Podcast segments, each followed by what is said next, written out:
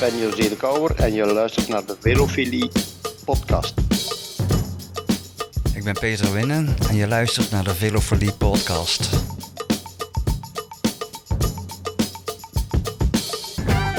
De Velofilie podcast.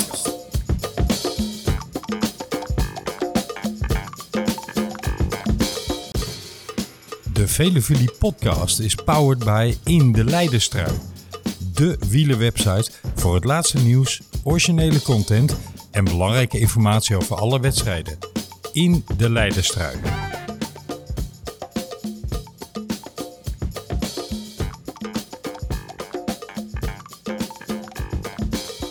Welkom beste wielervrienden en vriendinnen bij een speciale aflevering van de Velevilie podcast. Namelijk een live uitvoering. We hebben een hooggeacht publiek, namelijk alle leden van de Tourclub De Grote Plaat uit Hussen, moet ik volgens mij officieel zeggen.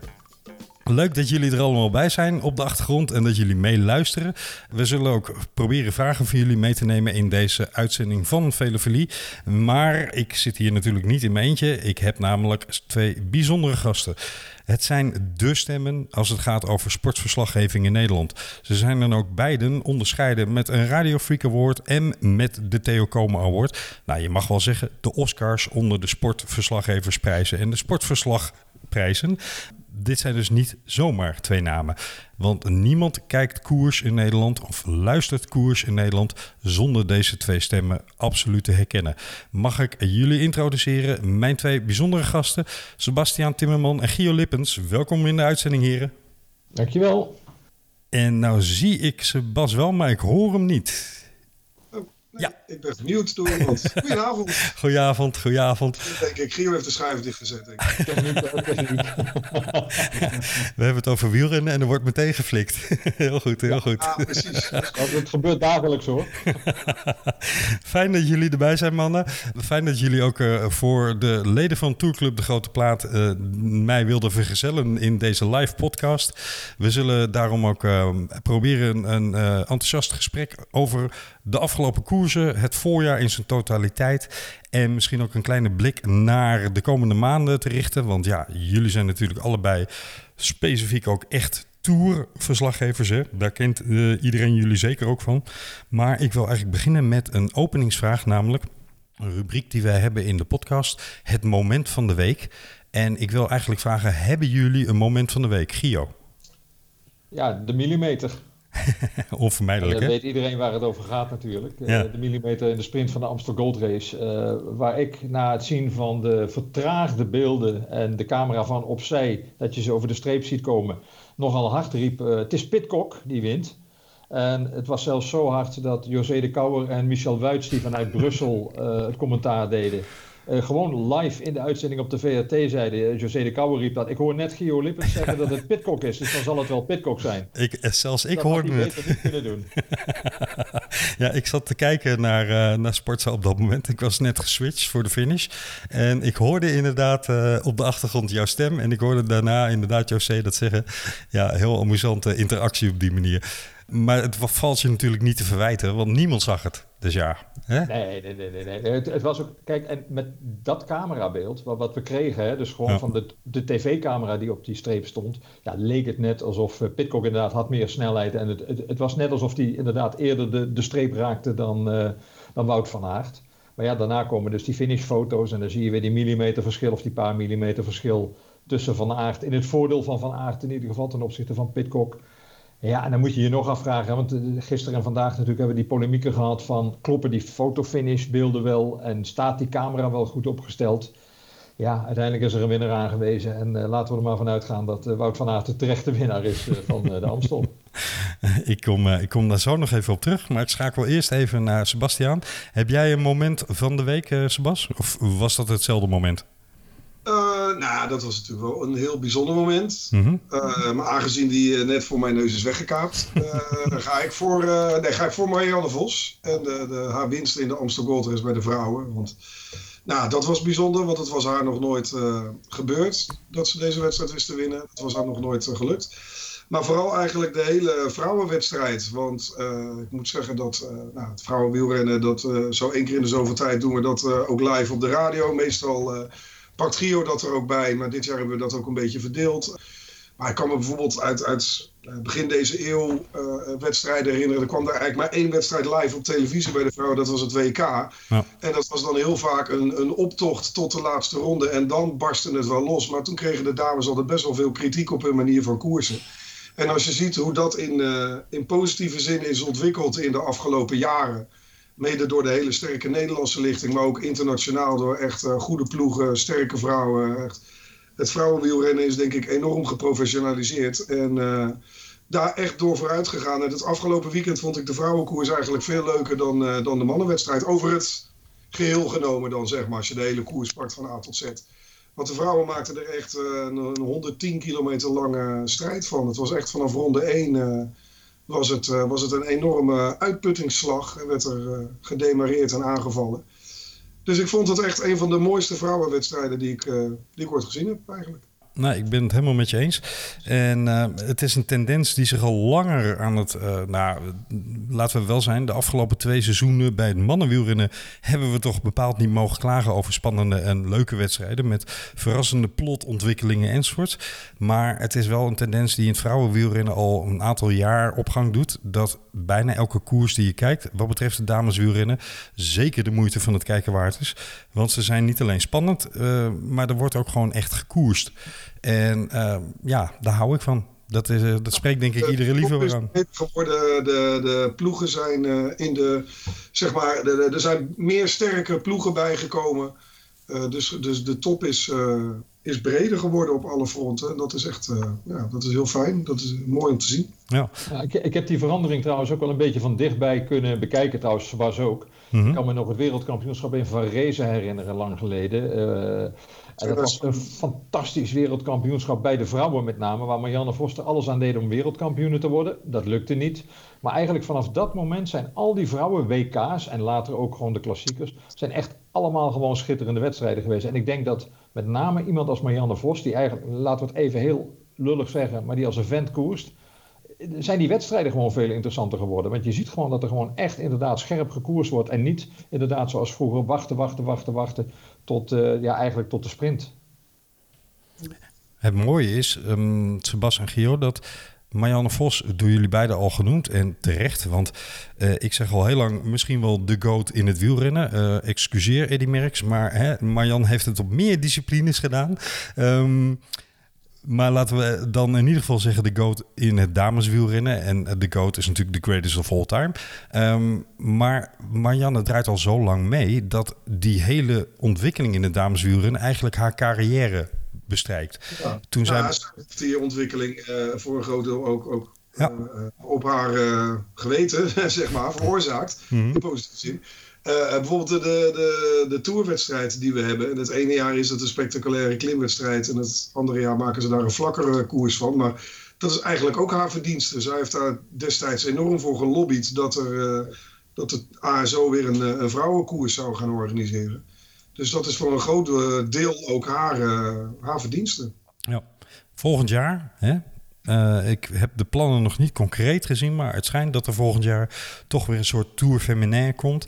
Um, ja. Buitengewoon zonder dat die ooit is afgeschaft. Maar gelukkig is, als die nu weer opgestart wordt, uh, de voedingsbodem voor een dergelijke ronde uh, een stuk beter dan die in de jaren negentig was in, ten tijde van Leontien van Moorsel. En Gianni Longo, die overigens nog steeds rondfietste, volgens mij. Ik weet niet of ze nog steeds wedstrijden rijdt, maar... Ze zal nog wel op de fiets zitten. Volgens mij wordt ze nog steeds nationaal kampioen in Frankrijk. Dat zou me niet verbazen, laten we het zo zeggen.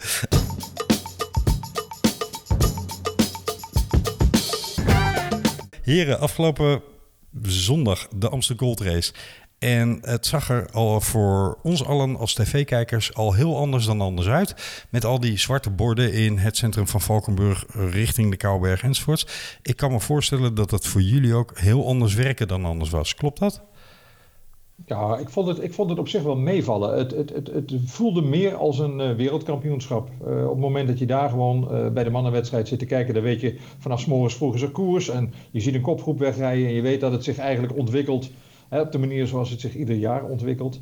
En dan op een gegeven moment dan, uh, met nog twee ronden te gaan, dan barst die koers open. En eigenlijk was dit een soort wereldkampioenschap, de manier waarop er gereden werd. En ik vond het eigenlijk helemaal niet zo erg. Uh, kijk, andere koersen breken eerder open. Je hebt ook koersen gehad dit seizoen waarbij de finale ineens begon zonder dat je er erg had uh, dat die al begonnen was. Hè, want het was nog veel te vroeg. Hè, maar de renners die dan al heel vroeg die zaak openbraken. Ja, dit was gewoon weer een klassieke koers met, wat was het, de laatste 30 kilometer. In één keer gebeurde er van alles tegelijk. Ja. En uh, toen vond ik het ook weer een hele mooie finale. En ja, ik, ik, ik vind het niet zo erg dat dit eens een keer gebeurde. En het is ook de redding geweest voor de Amsterdam Gold Race. Want anders zou die nooit gehouden zijn. He, vorig jaar, Leo van Vliet heeft twee keer zijn koers afgelast zien worden. Ja. En de tweede keer was de meest pijnlijke. Want toen was de veiligheidsregio in Limburg... Ja, die op het laatste moment die koers afblies. Terwijl hij eigenlijk alles al in de stijgers had staan om een wedstrijd te organiseren zoals nu. Dus rondjes rijden, uh, afgesloten parcours. Ja, dus gelukkig, gelukkig is het dit jaar wel doorgegaan. En, en heeft hij in ieder geval waar voor zijn geld gekregen. Ja, want financieel was er natuurlijk ook een uh, behoorlijke strop geweest vorig jaar. Um, maar inderdaad... Ja, dat zit hem vooral ook niet alleen in de koers zelf. Hè, want het, natuurlijk, je hebt natuurlijk te maken met reclame. Je hebt te maken met de sponsorinkomsten en dergelijke. Ja. Televisieinkomsten. Maar met name die toertocht. Hè, en dat was dit jaar natuurlijk ook niets. Ja. 15, 16.000 man. En wat betalen ze? Ik weet het niet eens meer. Tussen de 35 en de 50 euro uh, per persoon. Om mee te mogen doen. Ja, dat is wel de financiële basis onder die Amstel Gold Race. En ja, dat is nu twee jaar weggevallen en dat is wel een strop. Gelukkig was hier wat betreft het proffietsen er afgelopen weekend wel. En ja, toeval bestaat niet. We zagen vorige week in de Brabant Spel voor vrouwen een, een, uh, een close finish waarvan je dacht, nou, uh, zo close hebben we hem al tijden niet gezien. Uh, maar daar dachten de heren Pitcock en Van Aert afgelopen zondag even anders over. Die dachten, dat kan beter. Um, volgens mij, ik heb het proberen uit te zoeken, is dit echt een van de smalste marges ooit. Ik heb ook een keer een 0,03 finishfoto gezien, dus 0,03 seconden. Dit was 0,04, hè, schijnt het. Maar ik geloof dat, uh, dat uh, als ik hem mag onderbreken, ik geloof dat Wening en Kleude de, de kleinste was. Dat is volgens mij 0,01. Ja, precies. En, ja. en, dat, dat valt bijna niet meer in pixels uit te drukken, zeg maar, op zo'n foto. Dus uh, wat dat betreft, um, ja, dit was spannend tot en met hoop discussie. Gio, je refereerde er volgens mij al aan. Uh, hoop discussie na afloop over waar staat nou eigenlijk precies dat fotoapparaat wat die foto maakt? En hoe wordt dat dan gemeten? En een hele hoop discussies op de social media. Eigenlijk is mijn vraag aan jullie: de suggestie wordt gewekt dat Tom Pitcock in protest zou moeten gaan. Hoe zouden jullie dat vinden als dat gebeurt? Nou, volgens mij kan dat niet. Want volgens mij is het zo dat op de, dat weet ik niet helemaal zeker, maar ik, ik dacht ergens gelezen, of ik heb ergens iets voorbij zien komen dat je zeg maar tegen de, de nou, een uitslag zoals die wordt opgemaakt dan niet uh, zomaar in protest uh, kunt gaan. Maar ik vind eigenlijk zelf persoonlijk dat ze een ex-eco hadden moeten aanwijzen. Het was toch wel een aparte Amsterdam Gold Race vanwege uh, het circuit. nou ja, maak er dan ook maar een hele aparte van, bij wijze van spreken, door een ex-eco aan te wijzen. Maar dit was zo close, zo minimaal nauwelijks te zien. Je moest echt de finishfoto nog eens, ik weet niet hoe ver inzoomen om het verschil, om een enigszins verschil te kunnen waarnemen. Ja, dan uh, vind ik ook, uh, had een ex-eco aangewezen in dit geval. Ja. Ja, daar had ik me in ieder geval in kunnen vinden. We hebben ooit één voorjaarskoers, een beroemde voorjaarskoers. En ik druk het expres zo uit om niet meteen alles weg te geven gehad. Die een duo-winnaar heeft gekregen. Huiskamervraag voor iedereen, ook de leden van uh, de Grote Plaat. Welke voorjaars, nou laat ik dan maar weggeven, klassieker, is ooit door twee mensen gewonnen? En daar zat één hele beroemde achternaam bij. Jemig, een voorjaarsklassieker. Ja, het is heel lang geleden hoor. Ik zou het niet weten. Ooit? Nee, ik, ik, poeh. Ik zit even te denken. Uh, nee, ik zou het ook echt niet weten. Er zijn ooit twee winnaars aangewezen in Parijs-Roubaix. En dat, oh ja! Ja, en dat had een reden. Het, ja, die reed een beetje verkeerd. Die werd ja, verkeerd gestuurd. Het broertje van de bekende koppie, die ja. reed voorop met nog iemand anders. En die werden door een gendarmerie, vlak voordat ze de wielenbaan op zouden draaien, van het parcours afgestuurd. Want die had niet door dat zij voorop in de koers zaten. En uh, ze moesten toen via een soort sluipdoor, kruipdoorroute dwars door een achterdeur dat stadion in zien te komen. Hij finishte uiteindelijk als, ik meen, vijfde of zesde. Maar na protest en een hoop overleg met jury na afloop enzovoorts is uh, het broertje van Koppie als mede-winnaar aangewezen. Dus we hebben in uh, Parijs-Roubaix altijd één winnaar meer dan we edities hebben gehad. Dat ziet er altijd heel ja. grappig uit op de lijst. Ja, ja. Dat was inderdaad vorig jaar ergens voorbij zien komen. ja. ja. Ik kan me trouwens ook nog wel een ronde van Vlaanderen bij de vrouwen herinneren met aankomst in Meerbeke, waar uh, het, de kopgroep verkeerd gestuurd werd en van de andere kant op de finish afkwam. Dus zeg maar van de achterkant zo weer op de finish. En toen hebben ze gewoon de nummer 1 uh, in het peloton hebben ze gewoon als winnares aangewezen. Dus uh, dat, maar dat is ook alweer een paar jaartjes geleden. Ja, nou, in, in Olympia's Tour 2017 denk ik of zo. Met Fabio Jacobs, die, eindigde, die won een etappe ex-equo met die Belgische sprinter van, van Lotte Soudal. Jonge gozer, ik ben even zijn naam kwijt. Maar, en die, uh, dat verschil was ook echt niet te zien. En die zijn toen ex-equo, was in Hardenberg. Die zijn toen ex-equo uitgeroepen als, uh, als winnaar. Maar voor de rest, dat is de enige die ik ook in mijn archief kon terugvinden. Ja, nog eentje in Roemenië in een of andere koers ergens in 2000 uh, lang geleden. De Vredeskoers of zoiets. Mark, ja, ja. Mark Koekenstoel van uh, een van de leden uh, zegt het was in 1940, 1949 en het waren Koppie en Maher. Dus... en Gerbert Thijssen was die Belgische sprinter. Die uh, schiet me ja. binnen met uh, Jacobsen samen. Kijk, nou, uh, laten we het er voorlopig op houden dat Wout van Aert als winnaar aangewezen blijft. Het zal niemand onbekend zijn dat dat Michel Wuits nogal genoegen deed. en daarmee was voor Michel Wuits ook meteen Pardoes Wout van Aert tot de renner van het voorjaar. Uh, zag ik een dag later op Sportza. Maar eigenlijk ben ik veel geïnteresseerder om te vragen hoe jullie daarnaar kijken. Voor wie, uh, wie, welke renner is voor jullie de renner van het voorjaar? Nou, Sebas, maar jij het gras nu maar eens voor mijn voeten. ja, afgaande op prestaties, dan denk ik wel dat je bij Wout van Aert uh, uitkomt. Hij heeft Gent Weverum gewonnen. Heeft natuurlijk een geweldige Tirreno uh, gereden. Hij wint de Amstel Gold Race. Speelt een hoofdrol uh, in, in de Ronde van Vlaanderen. Maar goed, het maakte dan niet deel uit van dat duo wat naar de streep ging. Maar... Dus afgaande op de prestaties kom ik toch ook wel uit bij, bij Wout van Aert.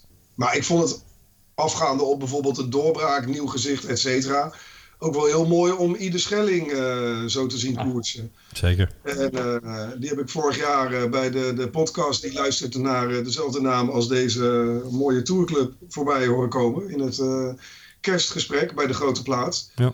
Bij Blauwtsoen en John de Braber. En dat was een heel leuk gesprek. En ja, dat is gewoon een hele leuke, aparte gozer die 250 kilometer geloof ik door het Groene Hart heen heeft gereden afgelopen winter een keer op een koude dag op een fictie met een gemiddelde van 38 km per uur. Uh, uh, dat soort dingen doet hij als training. Dat vindt hij leuk. Strandraces, ja. Ja, ja, hele mooie fiets laten maken hè, met, een start, met een vastgezet, zo'n fictie. Het is een hele leuke jongen ook om op de sociale media te volgen.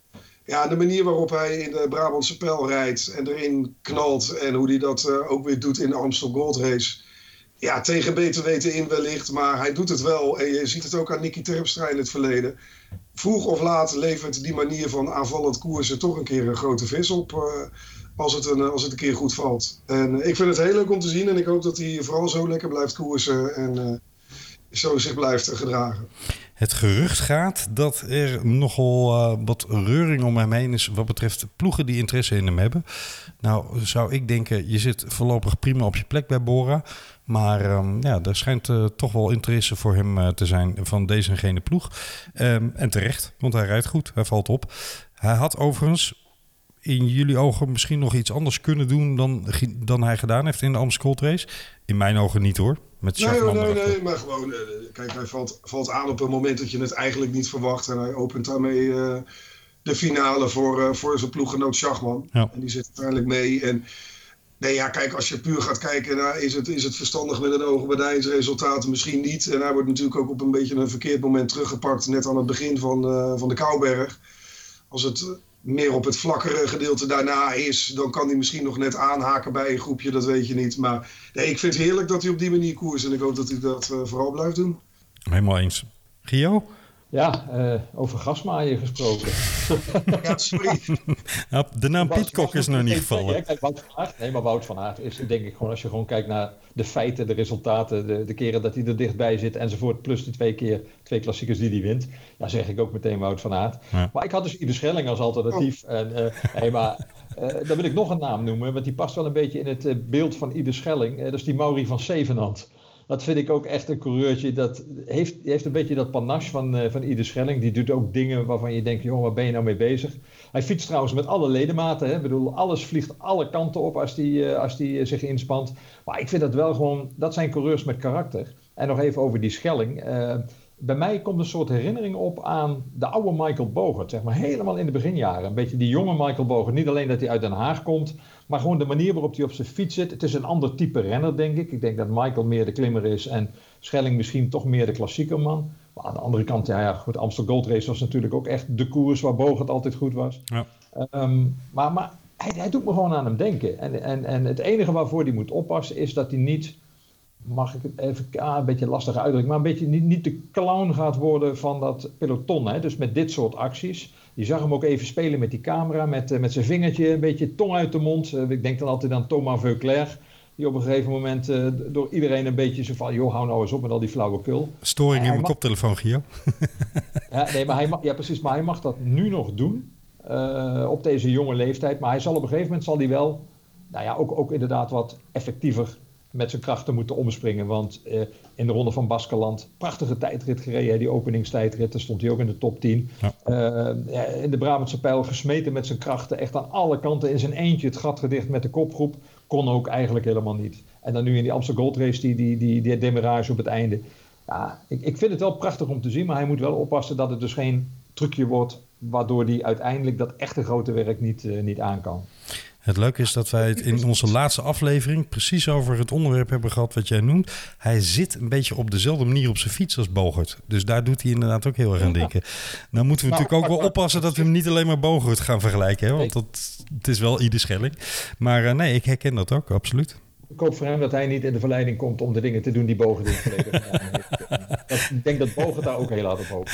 Over Bogert gesproken, uh, heeft hij je nog geholpen met uh, jouw uh, vaccinatie of niet? Hij kwam nog even langs op zondagochtend in, in ja, waar was het? Vilt, hè, waar de finish ligt. Mm -hmm. En hij, hij, maakte zelfs nog even zijn verontschuldiging. Hè? Even voor de mensen die dit niet weten. Ik had een tweetje eruit ge, gegooid over de vaccinatie. Ik had een uitnodiging gekregen, zo oud ben ik inmiddels. Uh, uitnodiging gekregen met twee data. Voor de eerste prik, de tweede prik. De eerste datum was de zondag van de Amsterdam Gold Race om half één.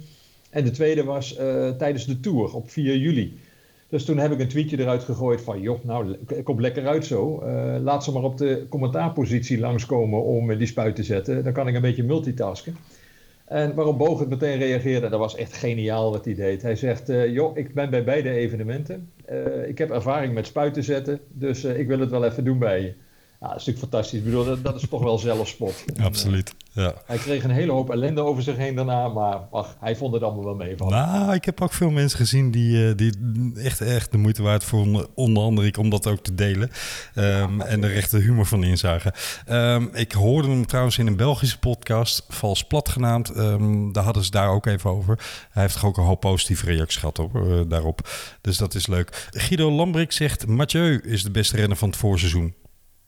Nee, vind ik eigenlijk niet. Mathieu heeft prachtige dingen laten zien. Maar eh, Mathieu heeft wel iets te veel uh, met zijn krachten gesmeten in uh, de Tirreno, heb ik het idee. En dat zal hij zelf ook wel hebben, denk ik. Met, met, die fantastische etappen die hij daar won natuurlijk. Maar dat was eigenlijk gewoon, ja, waarom doe je zoiets in voorbereiding op de grote klassiekers? Ik heb toch het idee dat hij daar wel een beetje last van heeft gehad. He, met name in de Ronde van Vlaanderen vond ik overduidelijk. De manier waarop hij door Asgreen werd geklopt dat, dat, was niet, dat was hem niet overkomen als hij echt super, super, super fit aan de start had gestaan. Nee, en het, ik heb overigens de indruk dat dat zowel voor Mathieu als voor Wout van Aert... als ja. zeker ook voor uh, Julien Alaphilippe geldt... dat ze stiekem toch wel iets dieper zijn gegaan... dan uh, goed voor hun trainingsopbouw was uh, op dat moment in die Tirreno. Um, ook daar is een hoop discussie over uh, geweest. Van was dat nou wel of niet zo? De een zegt jonge mannen die kunnen prima herstellen. En de ander zegt nou je gaat toch wel er zo diep. Zeker met die kou. Dat dat toch wel aantikt. Is het uh, ook een vraag van Guido Lambrix? Toevallig, Guido. Um, Is het terecht dat Mathieu nu de focus op de Olympische Spelen legt, wat jullie betreft? Sebas? Ja, vind ik wel. Ja, ja want hij heeft nog wel een enorme voorliefde ook voor het, voor het mountainbiken. En daar heeft hij al hele mooie dingen ook laten zien. En uh, daar heeft hij meer kans op Olympisch goud dan, uh, dan op de weg. Dus ik denk dat hij dat uh, volkomen terecht doet. Ja. Helemaal mee eens hoor. Ik vind dat Mathieu gewoon moet doen wat hij, wat hij zelf wil. Ja. En hij wordt langzamerhand wel wat, ook wat kieskeuriger, wat verstandiger. Hij heeft natuurlijk in het veldrijden heeft hij ook zijn koersen uitgekozen. En is hij ook niet meer vol, vol erin gegaan zoals altijd. Dus ja, ik denk wel dat het een hele goede keuze is. En, en ik zie hem daar. ik ben geen mountainbike expert, maar ik zie hem daar toch echt wel met zijn capaciteiten weer ja, op, op, op medaille, medaillekoers. Ik denk het ook, ja. En uh, het is ook iets waar hij ongelooflijk veel ambitie voor heeft, hè? Uh, passie. Ja, en plezier in heeft. Ik kan me nog van vorig jaar herinneren dat hij... Uh, volgens mij was dat de week na de Ronde van Vlaanderen... of in ieder geval in het voorjaar ergens... voor het eerst het parcours van Parijs-Roubaix ging rijden... En ook bewust ervoor kozen om dat op de mountainbike te gaan doen. De, de, ja, klopt. Steven Dadebout heeft een podcast gemaakt samen met Maarten, Ducro bij uh, de familie van de Poelthuis. En daarin ging het daarover. Nou ja, dat was een hilarisch uh, gesprek ook tussen uh, vader Adrie en, en zoon Mathieu die elkaar alleen maar een beetje zaten te steken en te prikken met allemaal woorden en noem maar op. Maar uh, volgens mij heeft hij dat toen op de mountainbike gedaan, die, die eerste verkenningstocht. Ja, daar was vader Adrie niet blij mee, hè? Die, die wilde dat hij op de racefiets ging. Ja, ik weet niet, de, de, de, de, de uiteindelijke insteek van het gesprek, zeg maar het onderwerp, het exact onderwerp, wat er nou allemaal tegen hem zat, ik weet het niet meer precies. Maar het was een hilarisch gesprek. Ik heb hardop zitten lachen in de auto, dat weet ik nog wel. Klopt. En uh, nou, ging hij ook, uh, ja, hij wilde dat op de mountainbike gaan doen. Ja. Ja, en ergens vindt hij dat spelletje ook veel leuker. Hè? Uh, dat zegt hij ook heel duidelijk. Hij vindt toch die koersen op de weg, uh, en zeker als het 260 kilometer is, ja, vindt hij toch eigenlijk heel saai. En Milaan Sanremo, daar klaagde hij in de afloop ook dat hij bijna in slaap viel uh, voor de echte finale. Ja, en dan ineens dan barst die koers los en dan moet je er zijn. Kijk, bij het mountainbiken. Het, enige nadeel van het mountainbiken vind ik dan, met zijn hoop om daar Olympisch goud te gaan pakken in Tokio. Als je pech hebt, en dan ook echt letterlijk pech met mountainbiken, dan is het ook gewoon gebeurd. Dan, dan, dan, hè, dan is het toch meestal gewoon afgelopen, dan ben je kansloos verder in de wedstrijd. En ja, dat heb je natuurlijk op, met wielrennen op de weg een stuk minder, met veldrijden eigenlijk ook. Als je een beetje mazzel hebt dat je in de buurt van de, van de materiaalposten pech krijgt, dan, dan, dan kun je dat nog wel redden. Maar in, met mountainbiken, ja, dan is dus de pechfactor speelt een hele belangrijke rol. Ja, en dat zou hem wel eens van die gouden medaille kunnen afhouden. En dat lijkt me wel een enorme gok. Ja, en de startpositie speelt natuurlijk ook een veel grotere rol in de discipline waarin Mathieu uh, opereert dan uh, bij wegwielrennen of baanwielrennen of welke vorm van wielrennen dan ook. Want als je daar als 80 van start gaat, dan kun je het ook absoluut shaken wat betreft de, ja. de kopposities. Maar laten we ervan uitgaan dat dat in ieder geval positief gaat uitpakken. En dat Tokio voor ons nog gewoon allemaal ook door blijft gaan. Dus dat Mathieu die focus uh, goed neerlegt. De Velofilie Podcast. Um, ik wil nog even naar een ander, uh, toch wel heel memorabel moment dit voorjaar. Voordat we richting een afsluiting gaan en ik jullie waardeoordeel over het voorjaar nog even wil, uh, wil vragen. Uh, maar eerst even het, het moment waar ik aan refereer is natuurlijk de terugkeer van Fabio Jacobs in koers. En buiten dat dat een brok in je keel moment kan zijn, was er daarna, vond ik, nog wel iets wat nog misschien wel memorabeler was dan het feit dat hij alweer op de fiets zit. En dat was in de derde etappe volgens mij in de Ronde van Turkije, die mm. valpartij, waarbij die Amerikaan ook dwars door de dranghenken ging. Wat moet aan dit soort situaties gebeuren? Willen we dit wielrennen? En jullie zijn allebei kenners, omdat jullie op die motor in de koers hebben gezeten en nog zitten. En dus heel vaak die valpartijen zien gebeuren. Wat moet er gebeuren in, aan veiligheid in jullie optiek? Nou ja, er is uh, tegenwoordig een, uh, een UCI-official, als het goed is, aanwezig. Uh, mm-hmm. Maar goed, de Ronde van Turkije was dit jaar geen World Tour. Maar in de World Tour in ieder geval aanwezig, die de, de finish, de aankomsten moeten inspecteren. En daarin zal uh, uh, men ook strenger moeten gaan zijn. En inderdaad, wanneer men gaat constateren dat een bepaalde uh, afzetting, een bepaalde barrière onveilig is, dan gewoon zeggen: Oké, okay, nee, we gaan deze etappe neutraliseren, tenzij jullie wat weten te veranderen. Ja. En daar zal men harder in moeten gaan optreden. En dat vind ik belangrijker dan het weg, wel of niet weggooien van een bidon. Tuurlijk speelt het milieu een rol, et cetera. Dat begrijp ik ook wel. Maar even gechargeerd gezegd vind ik dat wel belangrijker dan het wel of niet weggooien van een, van een bidon naar mensen die aan de kant van de weg staan. Maar daar zal men strenger in moeten gaan worden. in België zijn ze op de goede weg, denk ik. Want tenminste, ik, ik hoor alleen maar enthousiaste verhalen over de barrières, de, de, de hekken die aan de kant van de weg stonden bij de E3 en ik meen ook de Ronde van Vlaanderen regio. Alles van ja, zeker alle wedstrijden van Flanders ja. Classics. Ja, Gent-Weverum ja, ook, ja, klopt. Ja. En uh, nou ja, de, op die manier zal, zal men stappen moeten gaan, uh, gaan maken, denk ik. ja. Het is, het is een, een beetje wrang, hè? Dat aan de ene kant het heel erg gaat over de supertuk en het kruisen van je polsen over je stuur. De zokhoogte van Evenepoel is nog steeds een onderwerp sinds het uh, EK en maar. Nou, noem alles maar op. Dat soort regels. Nou, collega Joris van den Berg, ik heb het zelf niet gezien, want ik was op dat moment al door. Maar uh, collega Joris van den Berg zat op de motor de afgelopen uh, zondag voor de televisie in de Amsterdam Gold Race. En die heeft gezien dat uh, Schachman, nou ja, met een plakbidon, zoals ze dan in wielertermen zeggen, dus aan de auto hangend, uh, terugkwam in het peloton. Ja, dat gaat uh, niet met 30 km per uur, kan ik je zeggen. Dat is natuurlijk ook levensgevaarlijk. Ja. Zo, dat soort dingen gebeuren ook nog steeds, ja. Maar ik erger me wel aan de prioriteiten bij de UCI hoor. Wat, wat Sebas net ook aangeeft. Al dat gezeur over, over kleine marginale dingen. En natuurlijk is die daalhouding. Is, ja, daar kun je van afvragen van moet je dat als voorbeeld stellen zeg maar, voor, voor, voor, voor jonge renners. Hè, die, die dat dan ook gaan proberen. Dus inderdaad, dat kun je verbieden. Maar ik vind echt die veiligheid, zo'n zo, aankomst is in de ronde van Turkije, dat zou dus echt never nooit meer mogen gebeuren. Zeker niet na wat er met Fabio Jacobsen is gebeurd. En die aankomst in de ronde van Polen, die was al jaren zo, hè, in dalende lijn, met, met nou ja, ondeugdelijke hekken. En ze laten het allemaal oogluikend toe. Dus ik heb het idee dat de UCI zich veel minder richt op die organisatoren, want ze zijn dolblij dat die wedstrijden georganiseerd worden. Maar eigenlijk moeten ze daar gewoon van zeggen van jongens, jullie raken je licentie gewoon kwijt als organisator. En uh, dan, maar, dan maar geen ronde van Polen meer, dan maar geen ronde van Turkije meer. Nee. Dan treden ze echt op en ze moeten ja, dat gezeur in de richting van die renners. En ik weet ook best wel dat renners eigen verantwoordelijkheid hebben. Dus inderdaad, geen bidonnen weggooien en noem het allemaal maar op. Maar dat andere, dus de veiligheid eromheen, is veel belangrijker. Veel belangrijker. Zo was het dus inderdaad bijvoorbeeld ook afgelopen weekend in de Amsterdam Gold Race uh, verboden om het peloton te dubleren. Zoals dat dan heet, hè? dus in te halen. Dus uh, fotografen die op een motor zaten, en dat waren er ook veel minder dan normaal. Vanwege het feit dat het uh, corona is, maar ook vanwege het feit dat het een circuit was. Ik meen dat er acht fotografen waren op een, op een motor. Uh, die mogen in een normale koers altijd op een gegeven moment het peloton inhalen. Uh, maar ja, zeker als dat peloton breed uitrijdt, dan is dat al heel gevaarlijk. Dus de organisatie van de Amstel Gold Race had gewoon al aangegeven: oké, we maken twee way-out, way-in punten. Hè? Dus net na de finish sloegen de mensen rechtsaf. Het peloton sloeg rechtsaf richting de afdaling Brakkenberg daar kon je dan met de motor rechtdoor en dan kom je bovenop de Geulemerweg, kon je dan weer, uh, weer inpikken. En uh, de andere was uh, bij de rotonde net voordat de afdaling begint naar, naar Valkenburg.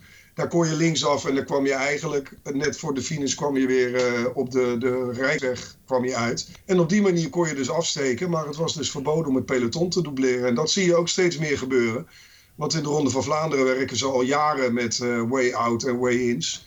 Parijs-Roubaix heeft uh, altijd een aantal vaste afsteekpunten waar je kasseistroken kunt uh, overslaan en door kunt steken. En uh, nou ja, in de Tour de France zijn ze daar ook naar aan het zoeken. Alleen het probleem in de Tour natuurlijk heel vaak is dat het vrijwel een rechte lijn is van, van A naar B.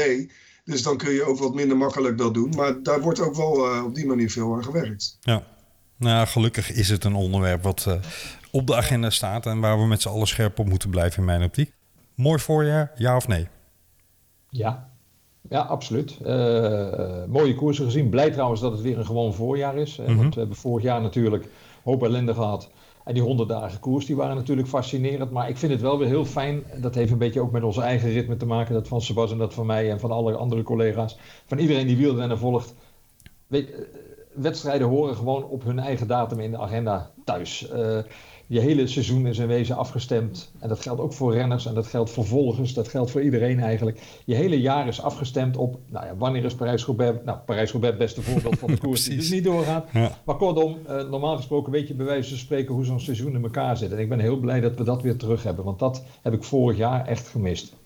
Ja, het was een mooi voorjaar, maar ik heb Parijs-Roubaix dus wel enorm gemist. Ja. En dat vind ik echt heel jammer dat hij uh, niet door kon gaan. Ik hoop echt heel erg dat hij in oktober wel wordt verreden, want ja, dat, uh, ik was vandaag aan het fietsen met uh, freelancer Ellen, uh, Ellen Brunnikhuis, onder andere. Die was mee in het groepje. En toen kwamen we ook samen tot de conclusie dat dat toch echt de, ja, de heilige graal zo'n beetje van de voorjaarsklassiekers is. En dat vond ik wel heel jammer dat Parijs-Roubaix niet, niet door kon gaan. Absoluut, absoluut. Er werd al even in de opening gerefereerd, maar Gio gaf net de mooiste voorzet die hij kon geven. Om toch even terug te komen op um, ehm, 100 dagen koers van 2020. En daar heeft Gio samen met José de Kouwer een boek over geschreven. Uh, sorry dat ik het even plug, uh, Sebastiaan. Um, ik heb geen boek geschreven. Daarom, anders had ik die ook meegenomen. Ik heb een dagboek geschreven. Heel veel, maar dat ga ik me niet voorlezen. nou, mag, mag absoluut, mag absoluut. Maar ik heb uh, het genoegen gehad om uh, Surplus, want zo heet het boek, te mogen lezen. En daar ook een mooi interview met uh, Gio en José over te mogen opnemen. Dus je kunt onze Velofilie podcast over het boek nog terugluisteren. Maar nog beter is, ga gewoon naar de boekhandel en haal dat boek. Want het is een feestje om te lezen. 100 dagen koers met alle bijzondere omstandigheden daaromheen voor mensen die de koers volgen en verslaan. En uh, ja, het is echt, echt heerlijk leesvoer. Surplus. En volgende week woensdag gaan de boekhandels weer gewoon open. Ja. En dat is ook echt wel een bijzonder ding, hè? want de persconferentie is net geweest. En uh, ik heb een uitnodiging gehad. Er zijn uh, twaalf provincies, de CPMB, hè, dat is die overkoepelende club van de boekverkopers. Of van, van ja, wat is het, drukkers, alles uh, en nog wat. Uh, CPMB heeft twaalf boekhandels in Nederland aangewezen als de boekhandels die dan officieel geopend worden door een schrijver. en ik ben net gebeld en gevraagd of ik een boekhandel in Heerlen, dus ik mag Limburg openen. Dat vind ik dan ook wel weer heel grappig. Hoe kwam, want je woont in Amsterdam, hè? hoe kwamen ze nou bij jou in Heerlen? Ik in Hoensbroek. En ah, Hoensbroek okay. is tegenwoordig onderdeel van de gemeente Heerlen en er is een hele grote boekhandel in Heerlen. En uh, nou, die hadden dat idee, dus die hebben dat gevraagd bij CPMB. En uh, dus ik heb maar ja gezegd, we moeten wel alle Jezus vroeg naartoe op woensdagochtend. Want ja, zo'n winkel gaat natuurlijk ook vroeg open. Maar het is wel heel erg leuk. Leuk. Ja. Ik, ik, ga even snel door uh, luisteraars vragen. Mark Kroekenstoel vraagt: Als je een koers mocht uitstippelen, hoe zou die koers er dan uitzien? Dus even een klein intermezzo dit. Ja, ik denk van. Uh Compiègne naar Roubaix en met allemaal van die oude kasseistroken erin. Nee, uh, nee, dat kan niet, Sebas, dat kan niet. Dat is echt Laat me raden, ergens in april. Vraag eigenlijk. Slecht voor het materiaal. Nou, ik, rij, uh, ik, ik woon in het uh, hele mooie Groene Hart in Bodegraven. En als je je Bodegraven uitrijdt uh, en een klein stukje richting uh, Zwammerdam rijdt... dan krijg je al heel snel aan je rechterhand een heel mooi landelijk, mooi draaiend weggetje. Dat heet de Meijen. En dan rij je echt door uh, schitterende mooie nou, natuurweilanden. Het is een heel mooi deel van het Groene Hart. Uh, wel heel erg druk altijd in het weekend. Dat is wel erg jammer, want iedereen weet dat het een heel mooi weggetje is. Maar ik heb wel zitten denken, hier zou je eigenlijk eens een keer een wedstrijd doorheen moeten laten gaan. Maar dat kan helemaal niet, want het is veel te smal. Maar dat zal ongetwijfeld wel hele mooie beelden opleveren. Nee, ja, de ronde van het Groene Hart, eh, die was er toch ooit? Ja, maar, die ging ja. over uh, de mooie brede wegen. Ah, en helaas is die wedstrijd veel, uh, veel te snel weer ter ziele gegaan. Maar ik vind het eigenlijk wel een moeilijke vraag. Een wielerwedstrijd organiseren. Ja. Nou, laat ik anders. Ik, ik vroeg aan uh, mijn twee mede-presentatoren afgelopen zondag in de Vele podcast. Als je nou per se zou moeten kiezen. Ik weet dat het een belachelijke vraag is, maar ik doe het toch. Als je per se moet kiezen tussen of voor- en najaarskoersen of de grote rondes. Wat ligt je dan stiekem nader aan het hart? Ga ik toch voor een grote ronde. Um, ook vanwege het feit dat je dan drie weken lang in een soort kermis meedraait, in een soort circus. En het verplaatst zich iedere dag. Het is ook het avontuur. Uh, je komt, de Tour de France, ja, het mooiste voorbeeld natuurlijk. Je komt op alle plekken in Frankrijk. Uh, iedere dag is, is het weer anders. Dat vind ik wel het mooie van een, van een grote ronde. En ook nou ja, gewoon de variatie in parcoursen, de variatie in lengtes van etappes, tijdrit ertussen, liefst een ploegentijdrit. Nou, dat gebeurt ook niet uh, tegenwoordig altijd meer. Uh, maar dat, daarom vind ik een grote ronde uiteindelijk toch interessanter dan zo'n klassieker. Want met alle respect voor alle klassiekers, ik heb eigenlijk altijd na afloop het gevoel: oh, het is alweer voorbij. het gaat zo snel. Het ja. is gewoon één dag. Kijk, wat dat betreft bouwt een WK weer anders op. Hè. In een WK daar ga je vaak gewoon al uh, eerder naartoe, omdat je ook alle andere wereldkampioenschappen hebt. Hè. Je hebt uh, de tijdritten, je hebt de ploegentijdrit, uh, je hebt, nou ja, noem het allemaal maar op.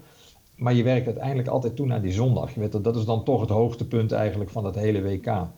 Ehm, dan, dan heb je toch iets meer het gevoel dat je in het evenement zit. Terwijl als we een zeker een klassieker zoals nu die Amstel Gold Race, hebben we bijna alle koersen hebben we dit jaar vanuit de studio gedaan. Amstel Gold Race, omdat die in Nederland is, we gaan de grens niet over, mochten we dus ter plekke doen. Ja, dan kom je daar op zaterdagmiddag, je wordt even getest, hè, uh, coronatest. Uh, je slaapt in een hotel, je moet op je kamer eten. Uh, de volgende ochtend ga je naar de koers. Ja, en om, om, om zes uur s'avonds zit je weer in de auto. En, en, en daarom vind ik toch gewoon het hele, even los van het wielertechnische, maar het hele beleven van een grote ronde is toch echt iets heel anders. Uh, en ook los van het corona-gedeelte dit jaar en ja. vorig jaar. Ja. Uh, maar normaal komen we altijd een dag van tevoren aan bij een klassieker. En dan zitten we inderdaad even hè, met, met de collega's, met Sebastian, met, met andere mannen en vrouwen zitten we dan gewoon in een hotel en dan eet je even samen. Dan bouw je wel een beetje op. Maar nogmaals, het, het is maar twee dagjes. En, en, en ik hou er wel van. Uh, het is ook een beetje dat gevoel van je wordt moe. In het begin ben je moer dan op het einde van een grote ronde. Dat, is misschien het typische van een ronde renner. Zoals Kruiswijk dat kan de laatste week. Dat je je fitter voelt dan in de eerste week. Dat, vind ik het lekkere van een ronde. Bij, een grote ronde denk ik altijd nog op het einde van... oh shit, hij is alweer afgelopen. En dat, is toch wel typisch. Komt nog wel een weekje, ja. Ik had het genoegen, Sebastian, vorig jaar in de Tour te mogen bellen en, en uh, te vragen van hoe het werken was in die gekke tour met die bijzondere omstandigheden vanwege corona enzovoorts. Maar Sebastiaan, jij vertelde toen dat viel wel mee, dat verschil, omdat jij altijd al in een soort bubbel zit hè, met uh, het Franse productiebedrijf wat voor jullie de motoren enzovoorts verzorgt. Is er al iets van voorbereiding in de tour richting jullie journalisten geweest over uh, een briefing of uh, werkomstandigheden of iets dergelijks? Of is dat nog te ver weg op dit moment? Nou, ik, ik heb geen officieel, uh, officieel document gehad, maar wel nou ja, via via begrepen dat de manier van werken weer min of meer hetzelfde gaat worden als, als vorig jaar. Dus het rondscharrelen bij uh, de bussen bij de start, dat zal niet mogelijk zijn voor, uh, voor VIP's en journalisten. Wat natuurlijk normaal altijd een, uh, ja, een, een, mooi moment is, omdat je daar nog nou ja, niet al te veel informatie, want met de renners praten, daar heb je daar eigenlijk geen eens de mogelijkheid voor. Want het is veel te druk, maar met mechaniciens, met ploegleiders kun je daar altijd nog wel even een, een praatje maken. Nou, dat was dus vorig jaar niet en dat is waarschijnlijk, heb ik dus begrepen, dit jaar weer niet het geval. Uh, interviews in mixzones, waar dan alleen mijn collega's Han Kok en Steven Dalebout in mogen staan. Ik neem aan dat ik dan dus ook weer een mondkapje moet dragen op de motor, dat soort dingen. Maar uiteindelijk vond ik het uh, vorig jaar wel ja, een, een, hele ontspannen manier van werken. Ik had vorig jaar echt de indruk dat zodra die etappe maar op gang was, dat dan de ASO dacht van, godzijdank, we rijden weer een dag. En, hè, dan, maar dat leverde daardoor qua manier van werken voor ons. Hij is wel een hele ontspannen uh, tour op. Ze waren echt heel, uh, ja, heel, heel, heel medewerkzaam. En we, konden veel, we mochten veel. En in de koers heb ik eigenlijk heel weinig van corona zelf. Ja, ik had een mondkap op verplicht, maar dat was eigenlijk de, het enige. Ja, en ik mocht niet met ploegleiders praten. Maar voor de rest gewoon waar je kon rijden en dergelijke, daar was men heel uh, ontspannen in. Dus ik hoop dat dat dit jaar weer het, het geval gaat zijn. Ik hoop het ook. En dat we inderdaad ook verschoond blijven van renners met corona-verschijnselen die dan uit koers moeten. Want dat is vorig jaar wonderbaarlijk goed gegaan.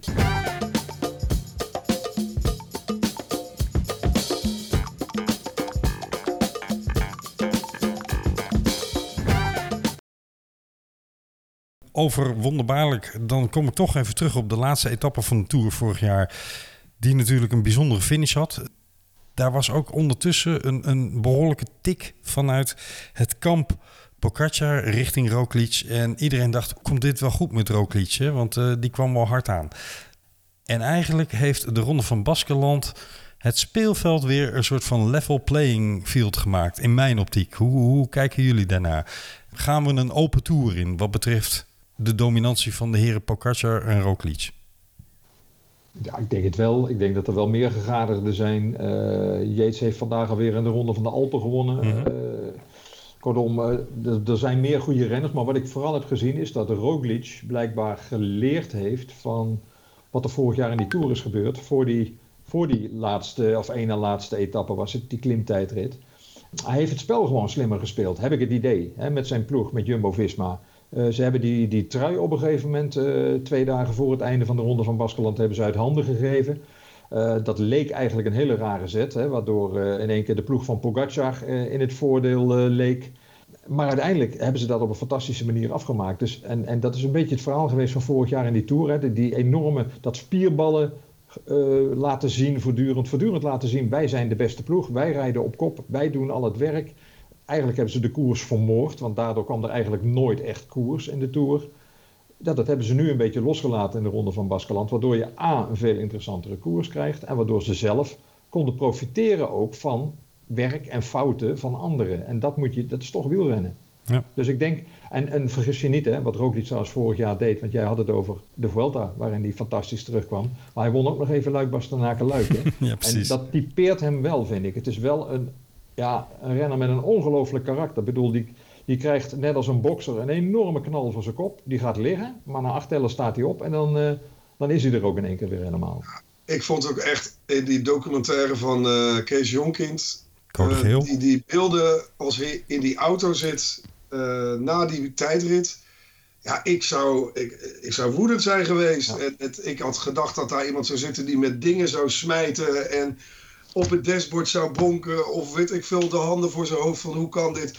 En daar zat een man en, en hij stelde wel zich een paar keer de vraag van how is it possible. Maar hij zat verder dat bakje leeg te eten. En daar zat iemand ja, die, die daar eigenlijk vond ik heel cool mee omging. En ik vond het heel knap hoe die vervolgens in de Vuelta onder bijna gelijkwaardige omstandigheden. Want het ging weer bijna mis in die laatste bergenrit natuurlijk. Toen lag hij weer enorm onder vuur, omdat Carapaz bij hem wegreed. Maar toch die, uh, daar die eindzegen binnenhaalde. Het is, uh, het is wel een hele aparte in ieder geval. Ja, ik um, zag in de aanloop naar Amsterdam Gold Race volgens mij ook een interview van Kees Jonkind. Weet ik nee, niet. Van Kok was dat. Of van Kok. En ja. dat vond ik ook wel opvallend. Want hij gaat dus geen enkele koers rijden uh, ja, tussen... Precies uh, uh, nou ja, hij rijdt nog Luik, hè, Gio, toch? Was het Waalse pijl? Nee, Luik rijdt hij. Ja, ja Luik. En dan, en dan is zijn, zijn volgende is de Tour. Ja. En dat gebeurt bijna nooit. Dat, hij, dat iemand echt zo'n lange pauze neemt. Uh, zelfs in de tijd van Armstrong, die reed ook altijd nog wel iets van de Dauphiné. Of echt zo lang eruit, dat is best wel, uh, dat is best wel apart. Ik ben heel benieuwd hoe, ze, hoe dat hem gaat bevallen. Ja, is ook wel weer een risico natuurlijk. Maar, maar op een of andere manier neemt hij dat risico ook. En dat vind ik ook het knappe van hem. Daar zei José de Kouwer trouwens ook afgelopen jaar over, hè, over. Over die mentaliteit van Roglic. Hij komt natuurlijk uit een land nou ja, waar, nou, laten we eerlijk zijn, uh, de mensen het minder goed hebben dan, uh, dan bij ons. Hij heeft gewoon een focus op, ik wil uiteindelijk ja, A, veel geld verdienen en ik wil gewoon mooie resultaten halen. Hij laat zich dus niet gek maken. En, en, en, en dat verklaart misschien ook wel een beetje die, die, die harde mentaliteit van als je dus inderdaad naar de grond bent gegaan, gewoon opstaan, even schudden en daarna weer verder wandelen. Wist je trouwens dat hij ooit skispringer is geweest? Nee. ja, daar refereerde hij volgens mij zelf ook aan, ja. Maar dat kan ook een ander interview geweest zijn, waarin hij inderdaad zei, uh, daar ga je zo vaak onderuit. Je leert vanzelf al onderuit en weer op. En daarmee moeten we richting een afsluiting gaan. Ik ga dus helemaal geen belachelijke uitspraken vragen van wie gaat de Tour winnen. Gaan we lekker niet doen. Maar de Giro is wel iets dichterbij, heren. Dus zo makkelijk zijn jullie niet van af. Hebben jullie al een uh, podium voor de Giro in je gedachten? Ik eerlijk gezegd nog niet. Uh, nee, ik, ik, nee ik, ik heb het gevoel van laten we gewoon eens eerst eventjes nog uh, Luik, Luik in de Waalse pijl afwachten. En dat rondje in, uh, in Oostenrijk en, uh, en Noord-Italië, die, die Tour des Alpes of de, de, Ronde van de Alpen. Ja.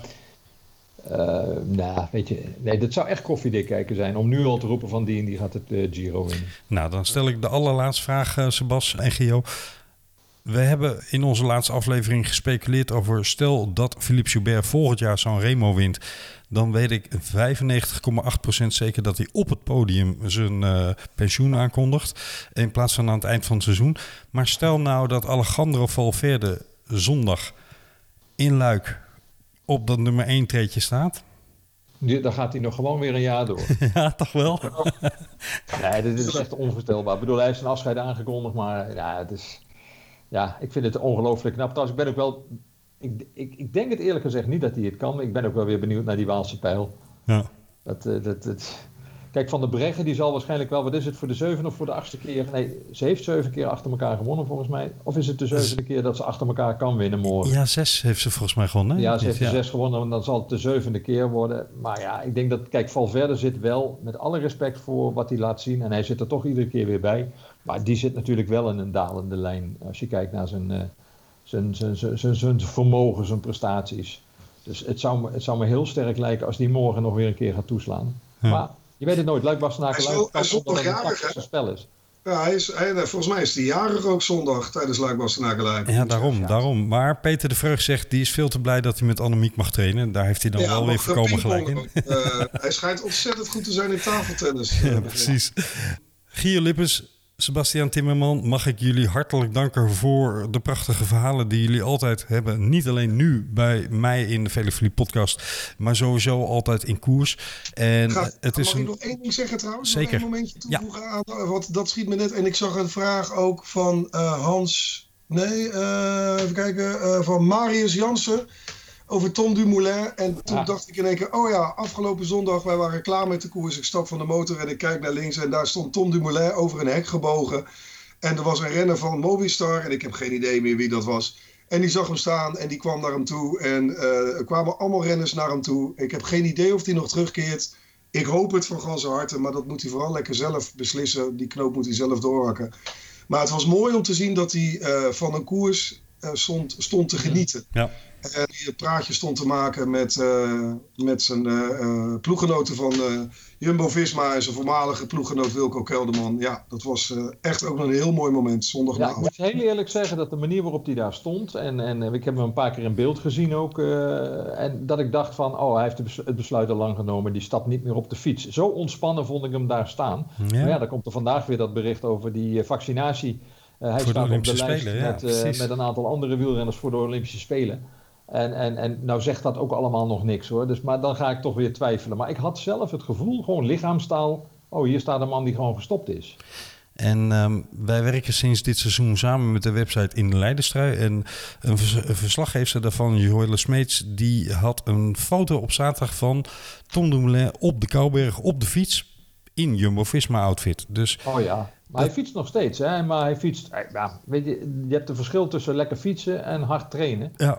En ik denk dat hij op dit moment gewoon lekker aan het fietsen is. En dat harde trainen, dat, dat. Ja, dat, maar hij doet het niet in zwarte kleding of zo, hè? Hij doet het wel in team-outfit. Dus, uh, ja, maar dat hij... moet hij, hè? Dus uh, contractueel volgens mij verplicht zelfs. Uh, ja, dat hij, zou Hij is kunnen. nog steeds werknemer van Jumbo-Visma. Ook al staat hij dan voorlopig op... Ja, is het non-actief? Ja, Onbetaald verlof. ja. Nou ja, daar zullen we achter moeten komen door de tijd zijn werk te laten doen. Ik ben een dumulist, dus ik hoop van harte dat hij terugkomt. Al is het maar omdat het zo'n prachtig figuur is in uh, deze sport, die toch al vol prachtige verhalen zit. Die verhalen komen mede dankzij jullie tot stand. Dank voor het verhaal van vanavond. En uh, we hopen nog vele jaren van jullie prachtige verhalen te mogen genieten. Graag gedaan. En uh, allemaal een prettige vergadering zometeen. Ja, een goede vergadering. Merci. Mensen van uh, de Grote Plaat Tourclub, de Grote Plaat in Huizen. Veel succes met jullie vergadering. En uh, wij zijn er snel weer, beste luisteraars, met de Velefolie podcast. En dan gaan we het hebben over Luik, Bastenaken, Luik en de Waalspel. Adios.